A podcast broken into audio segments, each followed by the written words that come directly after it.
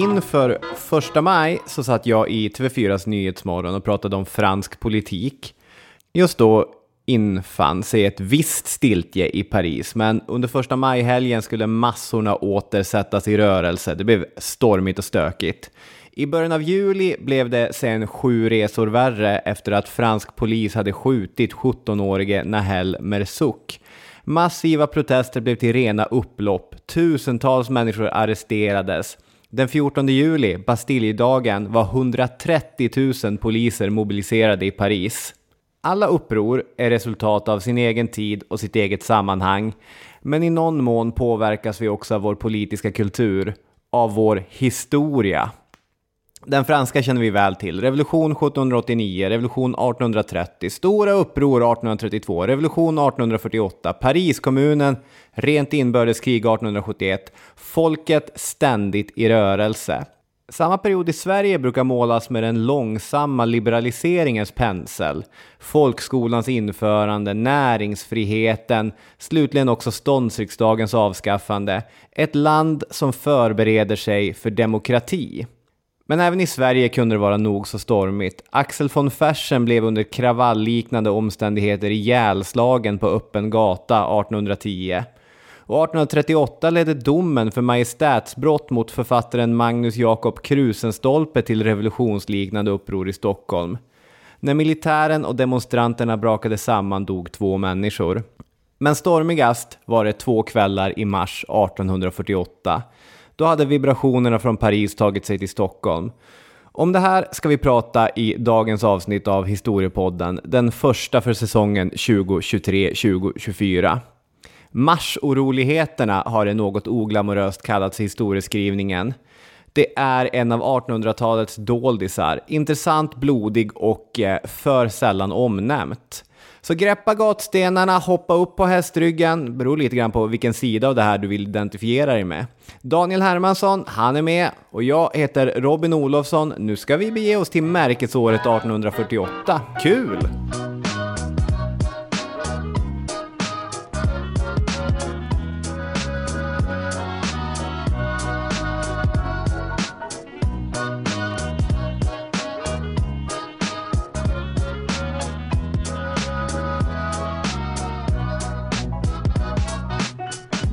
Ja, välkomna, välkomna till eh, Historiepoddens eh, nya säsong här.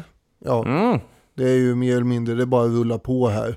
Vi har varit borta nu några veckor, men eh, vi har ju ändå hört, så att säga.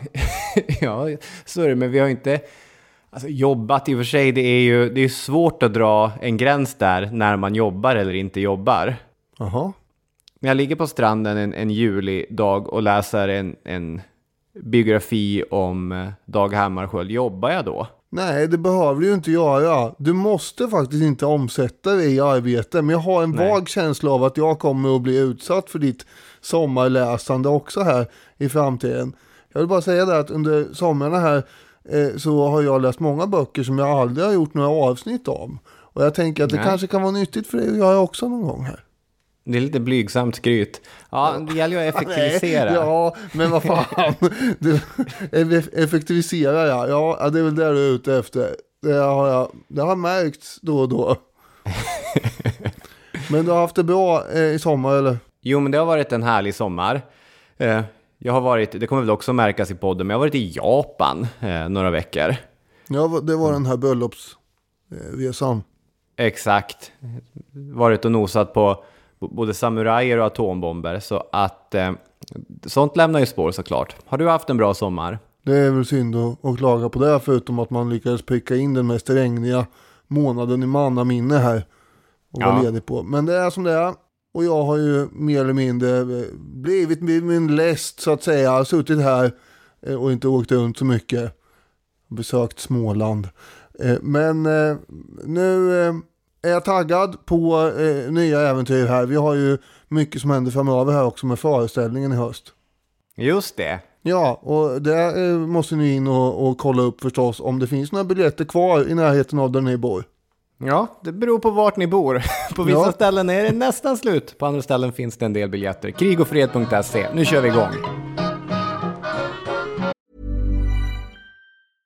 This is Paige, the co-host of Giggly Squad, and I want to tell you about a company that I've been loving, Olive and June. Olive and June gives you everything that you need for a salon quality manicure in one box. And if you break it down, it really comes out to $2 a manicure, which is absolutely insane. It's also so easy to get salon worthy nails at home with Olive and June. The difference between how your nails used to look when you did them yourself and now with the Manny system is a complete game changer. The best thing about Olive and June too is it's a quick dry, dries in about one minute, lasts for five days, and full coverage in up to one to two coats. Visit oliveandjune.com slash perfectmanny20 for 20% off your first system. That's oliveandjune.com slash perfectmanny20 for 20% off your first system. There's never been a faster or easier way to start your weight loss journey than with PlushCare. PlushCare accepts most insurance plans and gives you online access to board-certified physicians who can prescribe FDA-approved weight loss medications like Wigovi and Zepbound for those who qualify. Take charge of your health and speak with a board-certified physician about a weight loss plan that's right for you. Get started today at plushcare.com slash weight loss. That's plushcare.com slash weight loss. plushcare.com slash weight loss. Millions of people have lost weight with personalized plans from Noom, like Evan, who can't stand salads and still lost 50 pounds. Salads, generally, for most people, are the easy button, right? For me, that wasn't an option. I never really was a salad guy. That's just not who I am. But Noom worked for me. Get your personalized plan today at Noom.com. Real Noom user compensated to provide their story. In four weeks, the typical Noom user can expect to lose one to two pounds per week. Individual results may vary.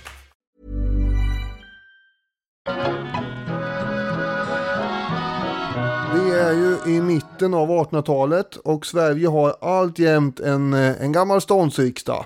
Den tuffar på och eh, det här är vi allt mer ensamma om i Europa faktiskt.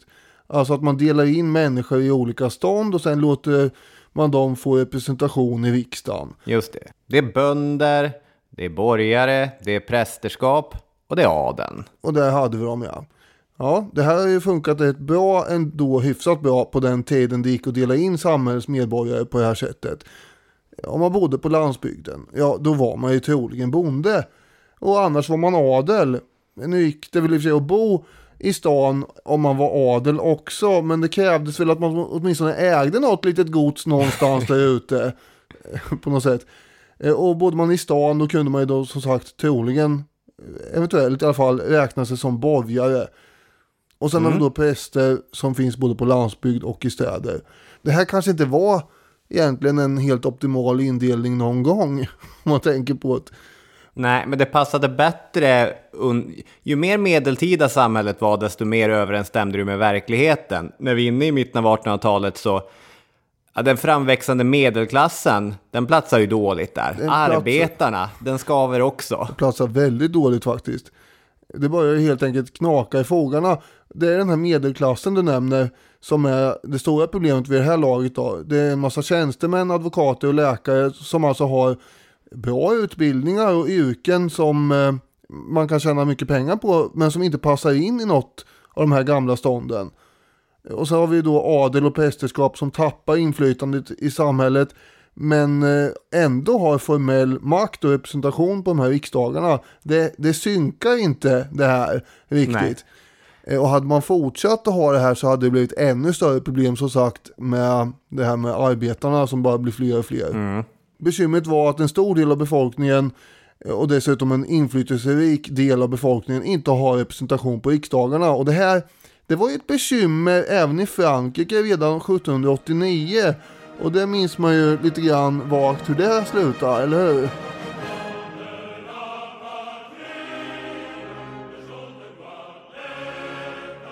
Som vi alla känner till, den franska revolutionen, den slutar ju i Napoleon. Och så sen har vi Napoleon krigen.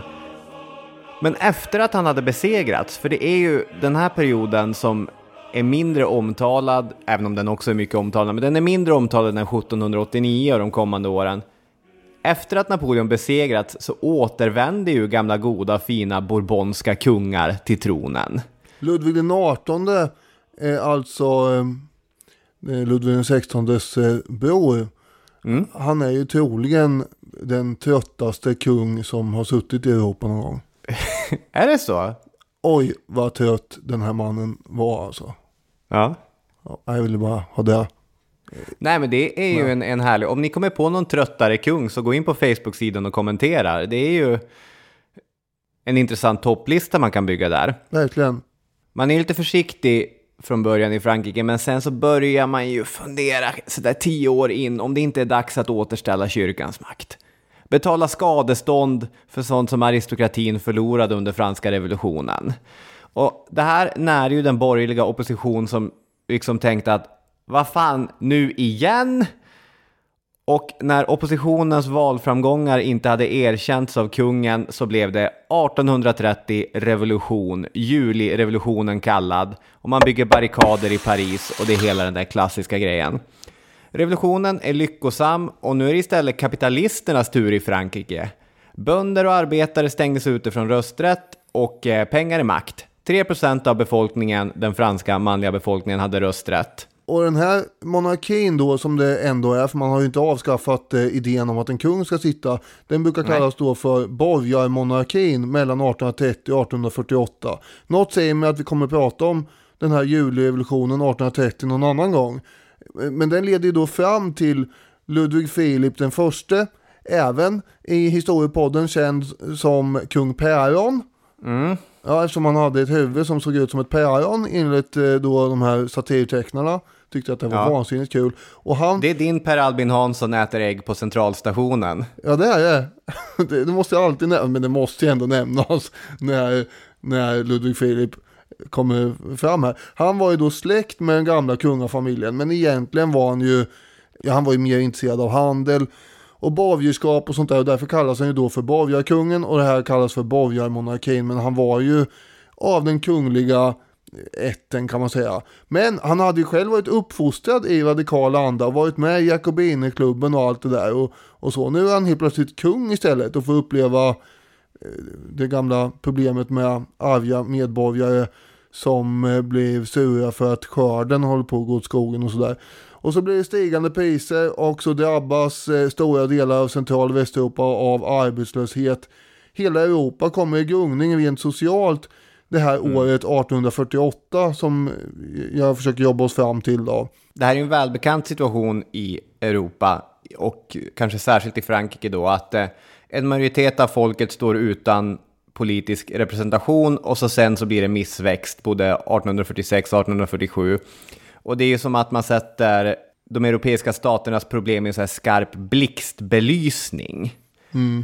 Och som vi känner till så börjar det alltid i Paris. Nu var det i och för sig Palermo det började 1848, men man kan inte hålla på och hålla på, utan i Paris så är det ju den första starka urladdningen, det som sätter resten av Europa lite grann i gungning. Man kan väl ändå säga att om det inte hade hänt i Paris eh, så hade det inte hänt någon annanstans. Sen då hade Palermo fått ha sin lilla grej och sen hade historien glömt bort det. Ja, det tror jag. Jag, jag törs eh, sticka ut hakan och påstå det. För det är från Paris impulserna kommer om man ska göra revolution eller inte. Det är inte Palermo som har den traditionen. Nej, Tips angående det här är avsnitt 215 där vi pratar om den här revolutionen i Tyskland. Som den, den sprider sig dit också och så kallar vi det för tysk revolution. För det blir ett himla pådrag. Men eh, nu är det Frankrike här just.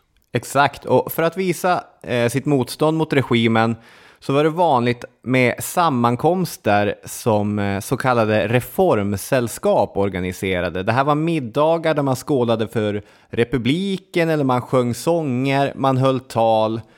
Man var du och bror med varandra och pratade om alla fina reformer som eh, man hoppades på. Och en sån inställning hade stoppats av den franska regeringen på nyårsdagen mot 1848, eller första dagen 1848, vilket eh, väckte stor upprördhet. Och efter ännu en sån inställd bankett i februari 1848 så ledde det till öppet uppror på gatan och återigen så var det barrikader som byggdes. Och revolutionen bröt ut och monarkin, kung Päron, kommer falla som Päron ibland gör. Och Frankrikes andra republik var ett faktum. Ja, den föll eh, mer lätt än man hade trott faktiskt. Han höll emot i tre dagar och sen abdikerade han.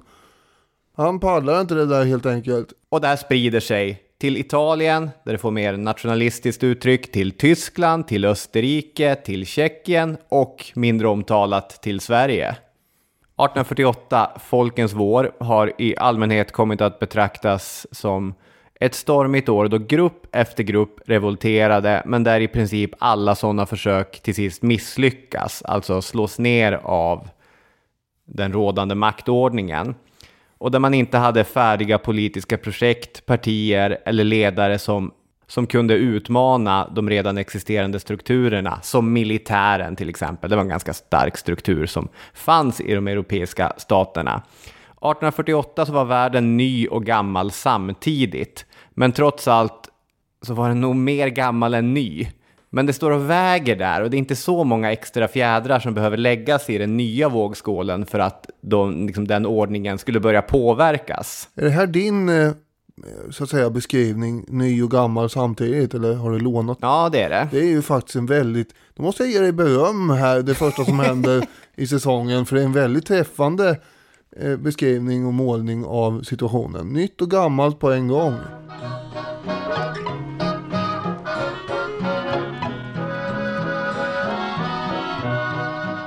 Ska vi till Sverige, som också var nytt och gammalt samtidigt, och kolla på ett av de nyare inslagen i samhället, tidningarna. Ja, precis. Och eh, en av de eh, nya inslagen är då Aftonbladet. Aftonbladet är på den här tiden en liberal tidning. Mm. Och eh, man återger ju först bara översatta texter från fransk och tysk press. Det är först den 8 mars som man ger en egen analys av vad som har hänt. Ledarartikeln välkomnar i alla fall revolutionen och beskriver den som nödvändig eftersom eh, ja, men det har ju uteblivit reformer och nu får man inte ens hålla sådana här banketter längre tydligen. Men sen har vi samtidigt den konservativa tidningen Tiden som är grundad av den mycket konservativa herrn August von Hartmannsdorf. Hartmannsdorf kommer ju bli mer aktuell här snart. Eh, Tiden gjorde då en helt annan analys än Aftonbladet av de här Parishändelserna. Eh, där menar man att eh, ja, men det är bara en minoritet av Frankrikes befolkning som ligger bakom den här revolutionen. Och den här lilla minoriteten den har ju lurats av de här eh, falska liberala idéerna. Och man förklarar att revolutionen aldrig kan vara en rimlig och konstruktiv reaktion på någonting. Istället så blir det bara som det blev under det jakobinska skräckväldet. Och det förstår man ju förvisso att de är färgade av eftersom det har ju hänt. Mm. Ja, men så är det ju. Så inledningsvis så kan man ju tala om att det hade funnits två strömningar i svensk press. Det fanns den konservativa pressen som då var regimtrogen, där har vi tiden som ett exempel, och så fanns det en reforminriktad liberal press med Aftonbladet och Lars-Johan Hierta som exempel där. Vi har ju pratat i äldre historiepodden avsnitt om hur Hierta på ett ganska kul sätt eh, utmanade den svenska kungen då, Karl XIV Johan, och blev av med sitt eh, tillstånd och startade upp under nytt namn om och om igen. Konkurrerar inte de om, eh, med tändsticksfabriker och grejer med? Ljus var det väl? Ljus var det kanske, ja. Jag tror Just det. det. Ja, det var väldigt roligt. Ja. Ja, eh, det var en festlig episod. När vi är inne på 1840-talet så har ju tidningsfältet breddat så mycket att eh, det faktiskt finns meningsmotståndare även inom de här eh, kategorierna. Aftonbladet hade kanske den mest demokratiskt inställda liberalismen. Varje medborgare borde ha rösträtt. Medan den andra stora liberala tidningen Dagligt Allehanda inte ville att den råa, obildade klassen, deras uttryck, inte mitt, skulle ha rätt att påverka hur landet styrdes. Så det, det finns en spänstig debatt inom svenska tidningar på den här tiden. Vi har ju även Söndagsbladet som riktar sig till den eh, ändå växande gruppen proletärer som också håller på att lära sig läsa. Och, och, här skrivs det ju då inte så mycket om blod som flyter längs gatorna utan det är mer om rättigheter och rättvisefrågor. Mm. Och Söndagsbladet hävdar då att revolutionen i Paris är ett totalt väntat resultat av eh, citat penningadelns förtryck av det arbetande folket. Och eh, författaren Bunny Ragnerstam har ju påpekat det intrikata faktumet att kommunistiska manifestet faktiskt också precis har skrivits av Marx och Engels och att texten har kommit med post till Stockholm senast i början av mars här. Ja, och, och sent i ju... februari eller i början av mars. Det är väldigt Vilket genomslag va? intrikat eh, fakta i sammanhanget här faktiskt.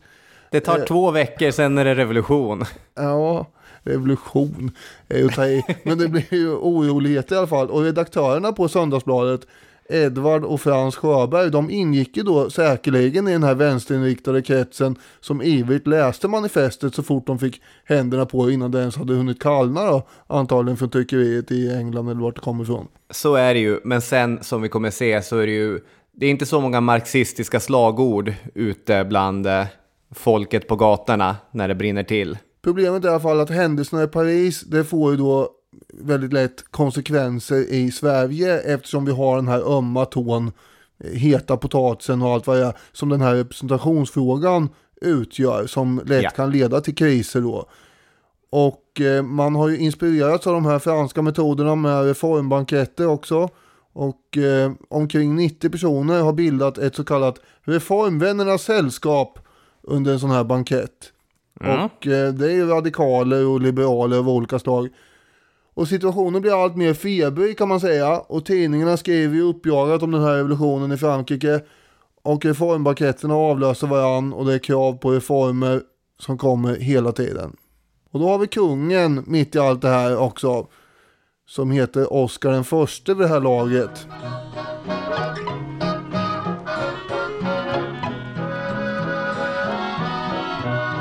För Sverige var ju inte på något sätt opåverkad av de nya tiderna. Som vi känner till så försvann enväldet 1809 i och med förlusten av Finland.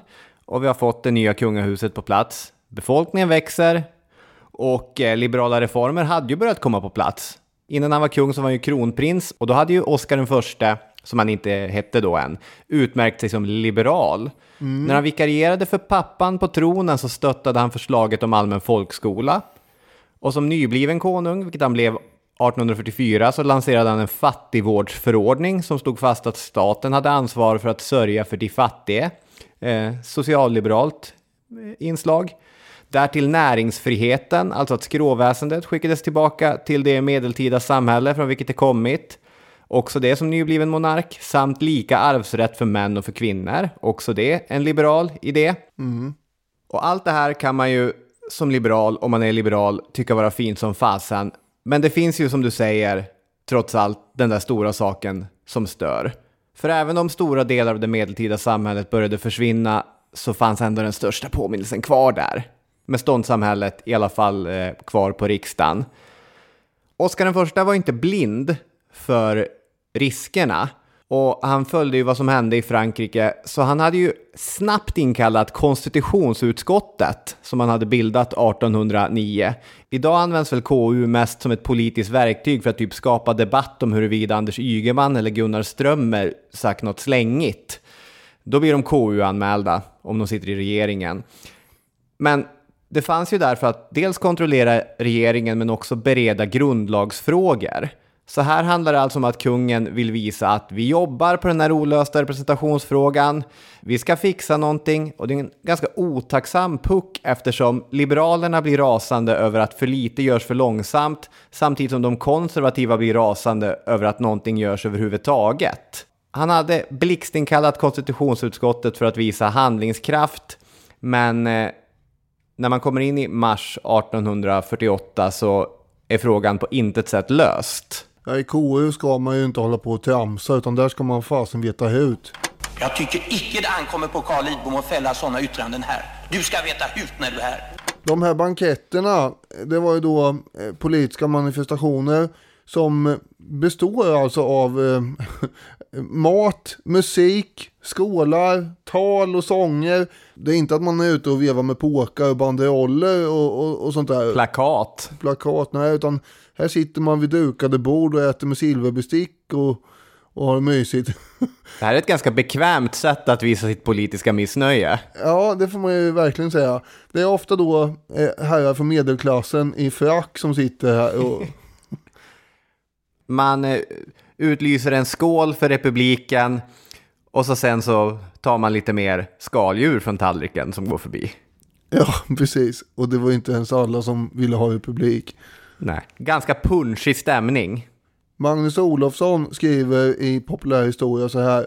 Männen i stora salar var riksdagsmän, litteratörer, tjänstemän, lärare och grosshandlare. En elit. Men långt ifrån alla av dem hade rösträtt i riksdagsvalen eftersom de inte tillhörde något av de ärevördiga gamla fyra stånden.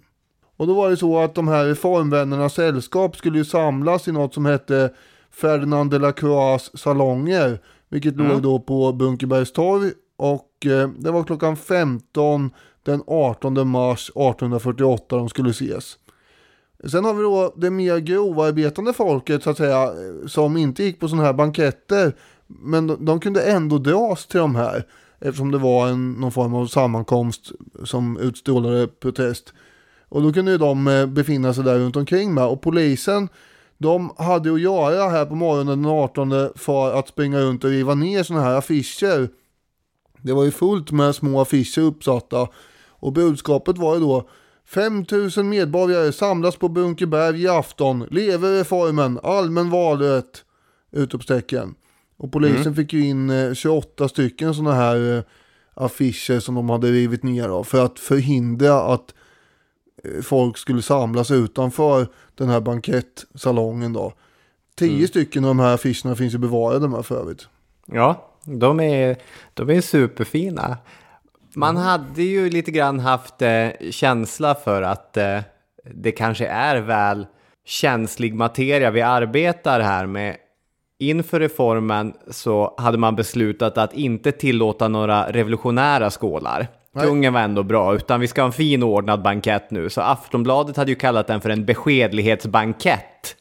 Ja, det gjorde också att de riktigt radikala liberalerna som ville ha republik då, de stannade hemma den här dagen. Det är nästan som att det bara är en middag det handlar om. ja, precis. Ganska trevlig middag också, för banketten i sig går ju bra. Folk har det trevligt och inget mer revolutionärt har yttrats än ett inlägg för manlig rösträtt och införande av medborgargarden. Men det är ju mm. ute på gatan som saker och ting har börjat ske. Ja, kanske hörde de där bankettdeltagarna vissa rop utanför salen när det började ta slut där klockan sju på kvällen. Det var ju en guldsmed också då, som heter Jakob Lenholm. Han har då av vittnen pekats ut som drivande i eh, att ropa på revolt helt enkelt. Och han ska då ha ropat vad vill ni gossar? Vill ni ha representationsfrågan fram så ska ni gå till Storkyrkobänken. Rakt åt Storkyrkobänken. Hurra! Hurra! Hurrandet spelar en oväntat stor roll i hela det här skeendet. Det är, man hurrar gärna på gatan, man kan dra till med ett hurrande på en reformbankett och eh, statsmakten kommer vad det lider försöka förbjuda hurrandet också. Ja. Vi, vi, kan inte ha allt det här hurrandet. Nej, det går inte. Varför ska man till Storkyrkobänken då? Ja, där bor August von Hartmanndorf. Just ja, det var ju han som var grundare av den här konservativa tidningen Tiden.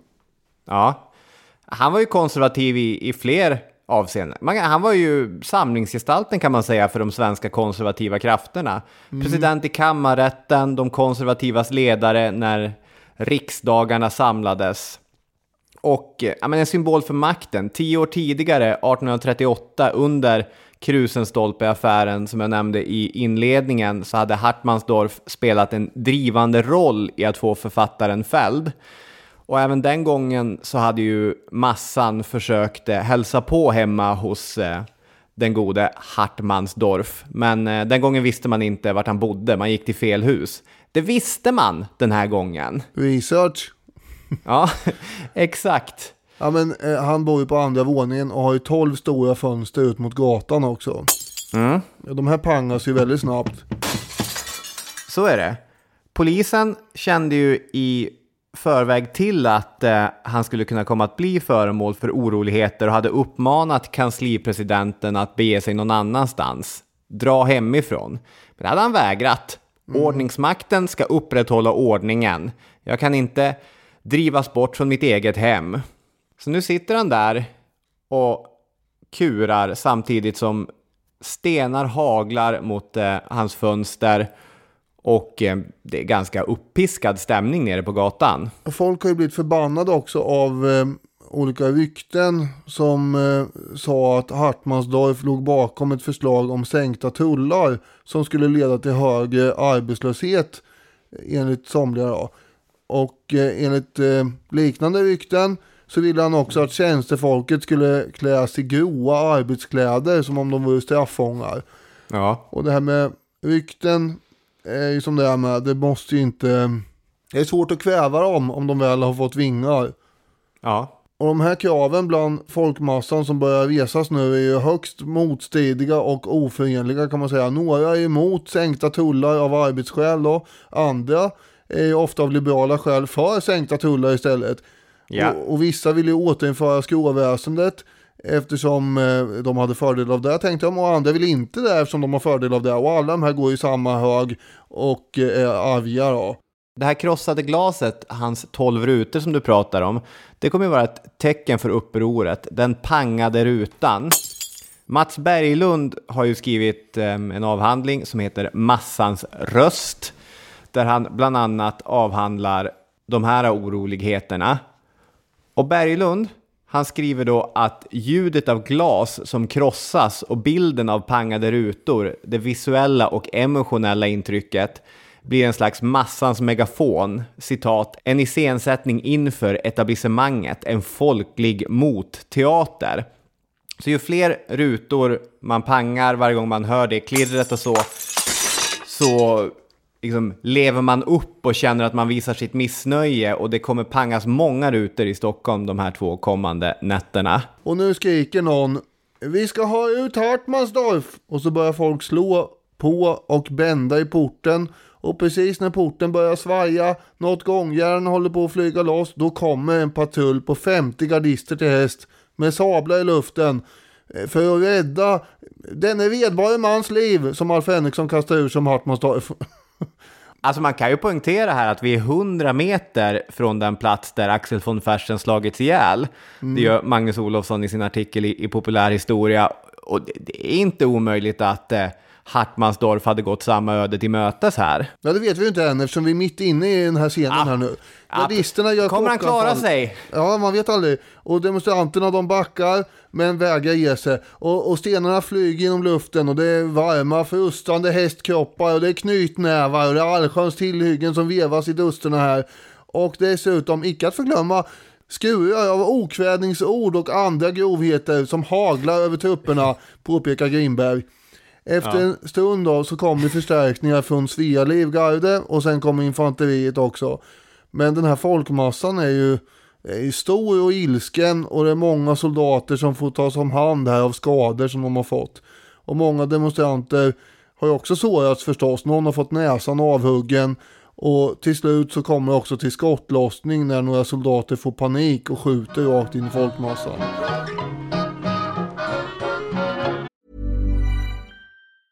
Burrow's furniture is built for the way you live. From ensuring easy assembly and disassembly to honoring highly requested new colors for their award-winning seating, they always have their customers in mind. Their modular seating is made out of durable materials to last and grow with you. And with Burrow, you always get fast, free shipping. Get up to 60% off during Burrow's Memorial Day sale at burrow.com slash ACAST. That's burrow.com slash ACAST. burrow.com slash ACAST. Hiring for your small business? If you're not looking for professionals on LinkedIn, you're looking in the wrong place. That's like looking for your car keys in a fish tank. LinkedIn helps you hire professionals you can't find anywhere else, even those who aren't actively searching for a new job but might be open to the perfect role. In a given month, over 70% of LinkedIn users don't even visit other leading job sites. So start looking in the right place. With LinkedIn, you can hire professionals like a professional. Post your free job on linkedin.com slash people today. Millions of people have lost weight with personalized plans from Noom, like Evan, who can't stand salads and still lost 50 pounds. Salads, generally, for most people, are the easy button, right? For me, that wasn't an option. I never really was a salad guy. That's just not who I am. But Noom worked for me. Get your personalized plan today at Noom.com. Real Noom user compensated to provide their story. In four weeks, the typical Noom user can expect to lose one to two pounds per week. Individual results may vary.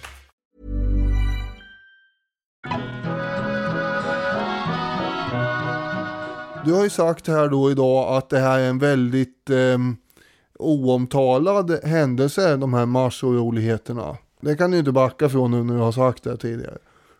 Eh, Nej, jag, jag, tror inte jag backar från det Nej. heller. Alltså, det är ju inte en vida omtalad episod från svensk historia. Nej, men vad är den mest kända episoden i eh, kungen Oscar I's liv? Som man sällan, alltså om man pratar om Oscar I, vad är det man pratar om då egentligen? Vad är, ja. vad, vad är hans Min följdfråga är hur, of, hur ofta pratar man om Oscar den förste? Nej, det har, det har jag inte hit nu, utan jag bara menar att om man pratar om Oscar den förste, ja. Eh, så hans avtryck är väl ändå det som kommer att hända här nu, den här dagen, 18 mars. Ja, det är en storslagen scen. Vi närmar oss nu. Visst, visst man pratar inte om honom var och varannan dag, men eh, det finns väl någonstans någon eh, historieundervisning på något universitet som har kommit in på mitten av 1800-talet och, och då pratar man väl om det här. Kanske. Hur som helst, kungen, Oscar den förste och eh, överståthållaren Jakob Sprängporten. De eh, sitter just i detta nu när den här kravallliknande situationen rasar ute i stan. De sitter på opera och tittar ja. på Jenny Lind i Friskytten. Ja, hon gör en av sina paradroller, Agate. De har det så trevligt, tänker jag mig. Om man tänker att herrarna på reformbanketten hade det trevligt, då kan man föreställa sig hur mysigt eh, kungen och, och, hans söner och överståthållaren har där. Mm. Men redan under första akten så störs man ju av att det är, det är folk som vill överståthållare sprängporten någonting. Det, det knackas på axeln och det viskas och så. Till, till sist måste han ställa sig upp och ursäkta, förlåt. Ur, ursäkta. Vad, är det frågan om här då? Smyga ut, plikten kallar. Kvar i salongen sitter alltjämt Sveriges konung, Oscar den första. Men allt är inte bra. På gatan har oroligheter, som vi har hört, brutit ut. Och nu kommer massa oroade riksdagsmän fram till kungen och knackar honom på axeln och frågar skulle inte ers majestät kunna gjuta olja på vågorna och lugna ner situationen lite? Ja, då är det något som är illa ja. Om eh, riksdagsledamöter vågar sig in i den kungliga logen och börjar viska i kungliga öron och, och sånt där. Som ja. han serväs. Då, då är det, det är något annat då va. Det är inte bara eh, lite upploppsliknande stämning här. Nej, exakt. Man, man börjar få vibrationer av att jag kanske borde faktiskt resa på, på mig här. Ja, och det gör han också. Mitt under andra akten lämnas Jenny Lind på scenen och Oscar den förste rider tillsammans med sina fyra söner och överståthållaren genom Stockholmskvällen. Ja, hans fyra söner och hans yngsta är bara 16 år. Här rider ja. de ut från slottet och möter den upprörda folkmassan här. Och Magnus Olofsson skriver Folk välde fram. Oskar satt där, stilla som en staty i ett böljande hav av vredgade människor. Stämningen blev hetskare. Några började rycka i prinsarna. Kungen tog till orda. Vad vill de? De församlade ropade i mun. Vi vill ha handelsfrihet, bättre pris på varorna, arbete, skråna tillbaka, reform, fransk-tysk frihet, republik. Jag vet inte om Olofsson eventuellt broderar ut lite när han säger att folk börjar rycka i prinsarna. Enligt andra uppgifter så var det ingen som rörde dem överhuvudtaget. Men det är ju det är ju lite tumult här i alla fall. Ja, så är det ju. Och eh, ja, men massan har ju en ganska stor respekt ändå eh, för kungen. Hans ankomst eh, mottages väl och så. Sen så det här mycket brokiga svaret på vad vill man? Det är ju symptomatiskt för dels det som händer i Stockholm de här kvällarna, men kanske också för stora delar av varför alla revolutioner misslyckades 1848. Det är inget gemensamt politiskt program som kan presenteras. Nej, men någonting kan de ju enas kring i alla fall. Precis, eh, grosshandlare Samuel Godenius eh, är en av de personerna då som vågar sig fram och eh, han meddelar att de personer som under kvällen häktats, de skulle man gärna vilja se att de släpptes fria. Och det lovade kungen. Varpå massan svarar med, med ännu ett hurra.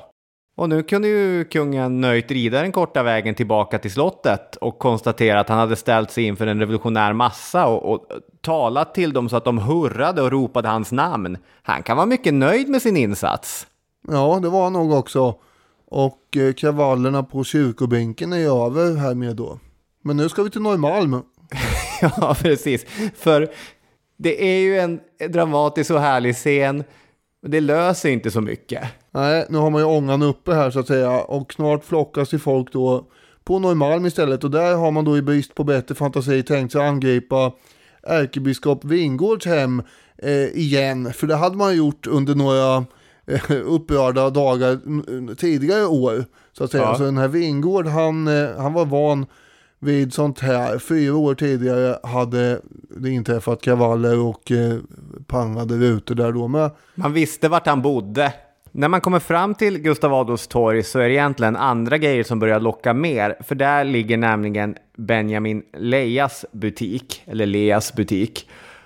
Vad vi, eller massan, har råkat på här, det är en av de butiker som under det tidiga 1900-talet kommer bli NK. Den judiske invandraren Benjamin Leja han sålde importvaror. Varför ger sig massan på butiken? Här finns flera förslag. Dels är ju butiker och plundring vanliga mål under uppror och eh, revolter. Man brukar göra så. Det kan vara något. Men det fanns också i samhället en utbredd antisemitism.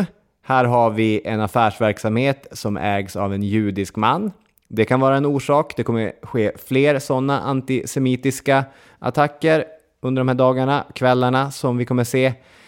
Men butiken kan också ha varit en symbol för vad som hade utkonkurrerat det skråväsende som vissa i massan åter ville införa. Skomakare som ville bli vid sin läst, som inte tyckte om när billigare skor kunde köpas i butik importerade från Centraleuropa. Och inte blev saken lugnare av att eh, flera av de som häktades och som satt på ett häkte just vid Gustav Adolfs torg inte släpptes. I alla fall inte släpptes i tid som kungen ju hade lovat. Mm. Nej, nu börjar man ha en besvärlig situation här på Norrmalm också. Tre stycken kavallerichocker tvingar massan från torget, men det gör egentligen ingenting för att lugna situationen, utan nu är det stenar som haglar överallt och krossat glas i massor. En fönsterkrossningsodyssé längs Norrmalms gator, skriver ju Olofsson. Och det är precis vad jag är.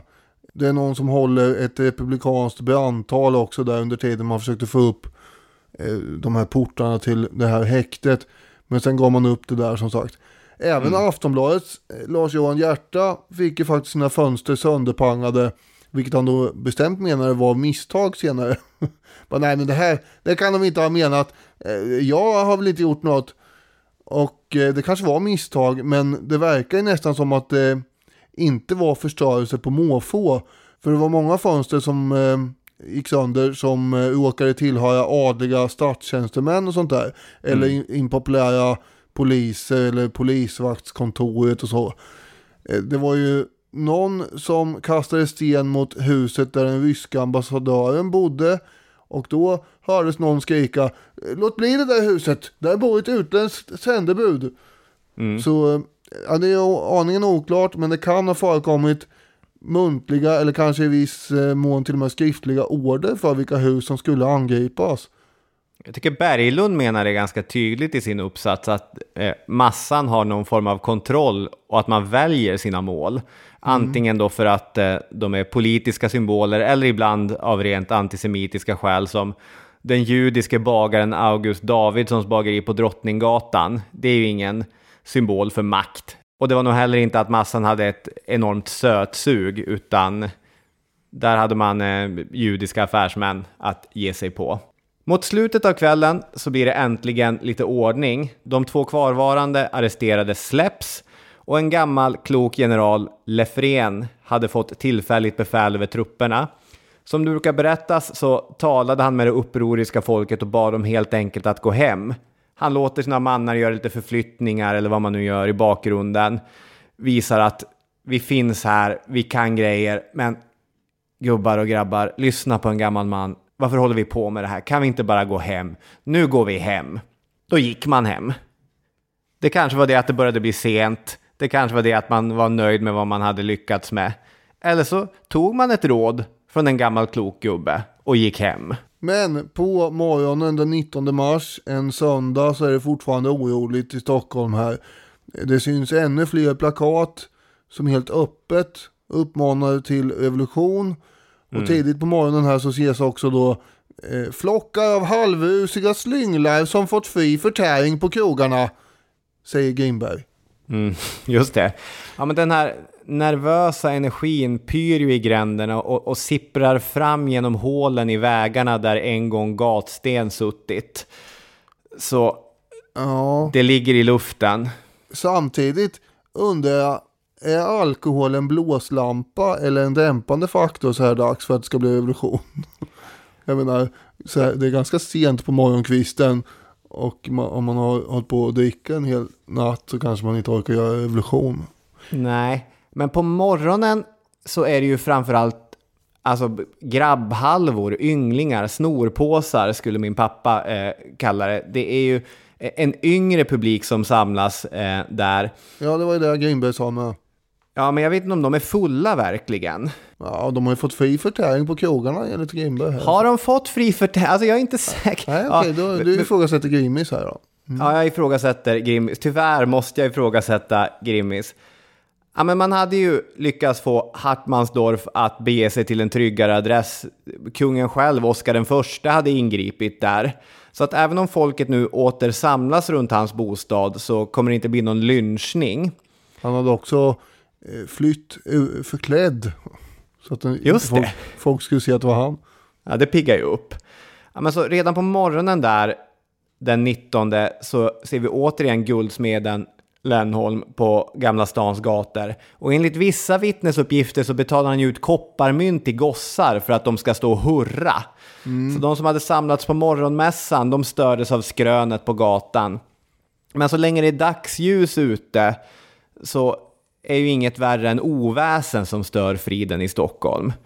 Utan det är ju vid 4-5 snåret som det kommer bli en, en större massa och en äldre massa och kanske också en fullare massa. Och nu är vi på eftermiddagen med eh, 4-5.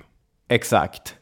Oscar den förste och överheten har ju också då mobiliserat 4 000 soldater som är på väg mot Stockholm vid det laget.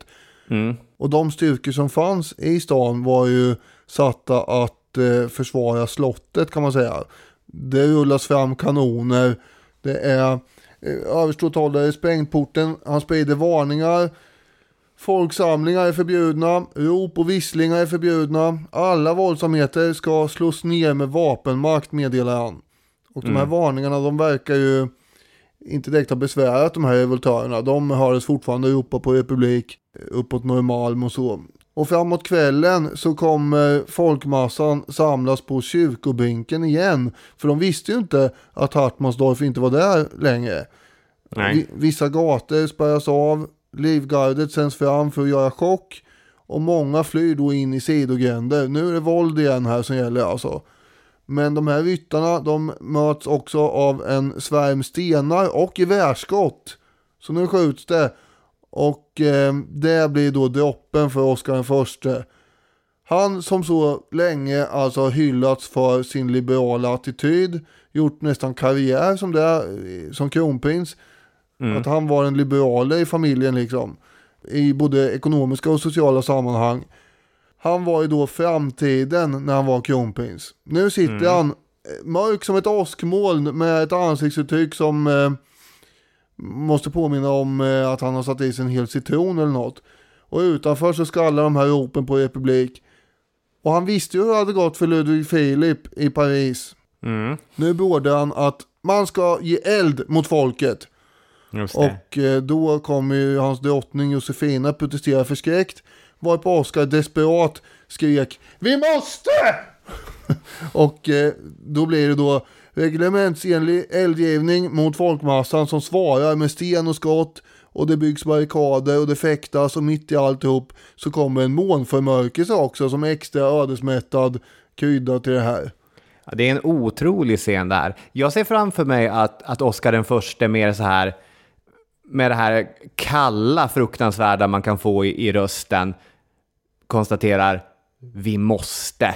Att Ja. eh, hit, du- men du, du, du tänker att det är, det är raseri det här? Ja, det är, eller ja. uppgivet vredesmod på något sätt. Ja, eh, absolut. Ja, men, och nu är det ju riktigt våldsamt på gatorna. Och när militären beordrar eldgivning så smäller det skott in i folksamlingen. Den första att avlida var en tidigare löjtnant vid Hälsinge regemente, sannolikt en nyfiken åskådare som råkar skjutas av misstag. Som väntat kanske så flyr återigen delar av folksamlingen mot Norrmalm, där de började bygga barrikader. För, för vissa framstod det säkert som att nu hade det franska förloppet kommit till Stockholm. Och Brunkebergs torg och Mynttorget, Riddarhustorget och Munkbron, ställen där det nu var oroligt. Det skulle bli de strategiska punkterna om vilket man skulle komma att strida.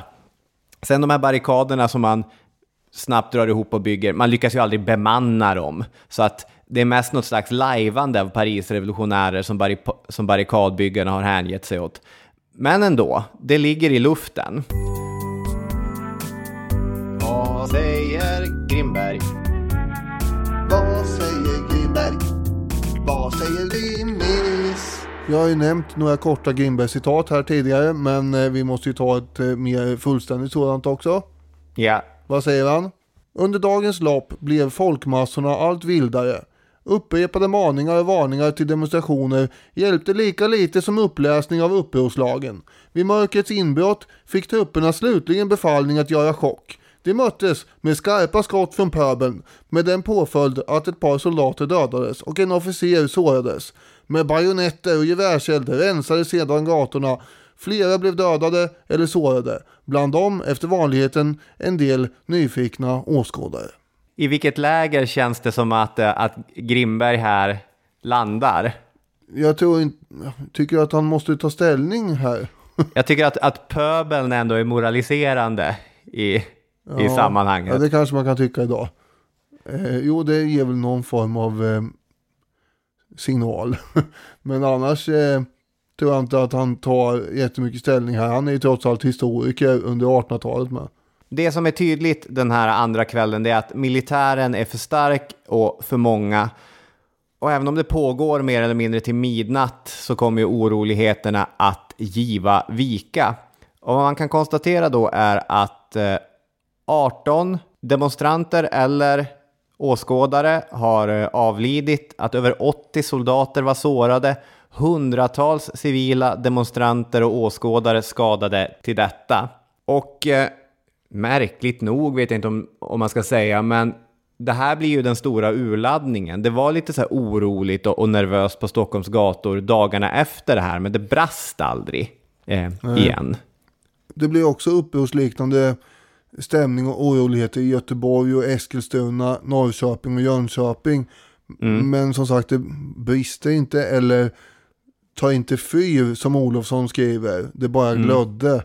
Bland polisen så sårades ju också ungefär ett par hundra antagligen under de här sammandrabbningarna. Så det är ju, det är ju tuffa kravaller ändå. Ja, alltså 18 döda i centrala Stockholm. Det är... Mm. Vad alltihop berodde på och vilka som låg bakom, det har ju egentligen debatterats ända sedan mars 1848. Det finns ju de då som lyfter fram den här disciplinerade organisationen som historikern Mats Berglund, det här stenkastandet som drabbade makthavare och högt uppsatta tjänstemän och att målet ska ha varit då väldigt splittrat förvisso, men somliga mm. var ju då helt klart för skyddstullar och somliga var för republik. Jag har två citat här, ett från Alf Henriksson och ett från Magnus Olofsson. Henriksson skriver Marsoroligheterna i Stockholm sattes nog igång av radikala politiska element som krävde liberala reformer och rent av ville införa republik. Men många av stenkastarna var gesäller och arbetare som tvärtom demonstrerade mot konkurrens, näringsfrihet och frihandel. Och naturligtvis deltog också en del legister som gärna slog in fönster utan att fråga varför eller hos vem. Och sen skriver Olofsson Marsoroligheterna framstår som ett utslag av ett folkligt missnöje med näringspolitik och styrelseskick. Ett sätt för människor utanför det politiska systemet att för en gångs skull tvinga dem där uppe att lyssna på deras åsikter och önskningar. Det säger något om hur stora spänningarna var i det svenska samhället. att det räckte med en beskedlig frackmiddag för att missnöjet skulle slå över i rena gatustrider. Mm, just det. Han skriver ju också, Olofsson, att marsoroligheterna var det närmsta Sverige kom en revolution under hela 1800-talet, men det var i slutändan just kravaller, inte ett revolutions eller kuppförsök. Händelserna den 19 mars visade att oorganiserade massor inte kunde rå på en militärmakt med kungligt mandat att döda. Årtiondena som följde visade å andra sidan, vilket vi i dagens Sverige ska vara tacksamma för, att det inte räckte med kulor och sablar för att stoppa striden för ett demokratiskt Sverige.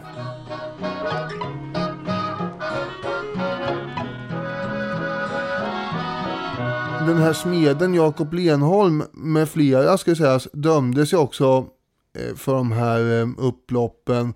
Han dömdes mm. till vatten och bröd i en månad. Det låter ju som ett väldigt 1800-talsaktigt straff, men det var det han fick. Men just han dömdes ju också retroaktivt efter att man skaffat en ny lag till fyra års fängelse, vilket i och för sig sänktes till två års straffarbete sen. Det var ju flera som det där skedde för. Alltså 62 personer åtalades för medverkan i uppror på olika sätt. Av dem så var det 27 som frikändes helt, 18 som ansågs ha varit delaktiga men inte till den grad att eh, fällande dom var aktuellt och så sen 17 personer som ansågs vara skyldiga i olika grad, där, där då Lenholm var en av dem. Mm. Och eh, ja, men flera av de här kommer få ändrade straff och strafflindring retroaktivt när nya lagar stiftas. Det är ju det är inte, ändå lite spännande. Det, det är inte riktigt så här ett rättssamhälle brukar funka. Nej. och det är för att det inte är det. Men hur organiserat det här var, det är egentligen fortfarande ett historiskt diskussionsämne ju. Men den här överståthållaren Sprängporten, han bedömdes i alla fall ha agerat slött och slapphänt och tvingades avgå. Så han eh, hade suttit i den kungliga logen och tittat på opera för sista gången, i alla fall som överståthållare. Kan man inte säga att eh, Oscar förste kastar honom under bussen?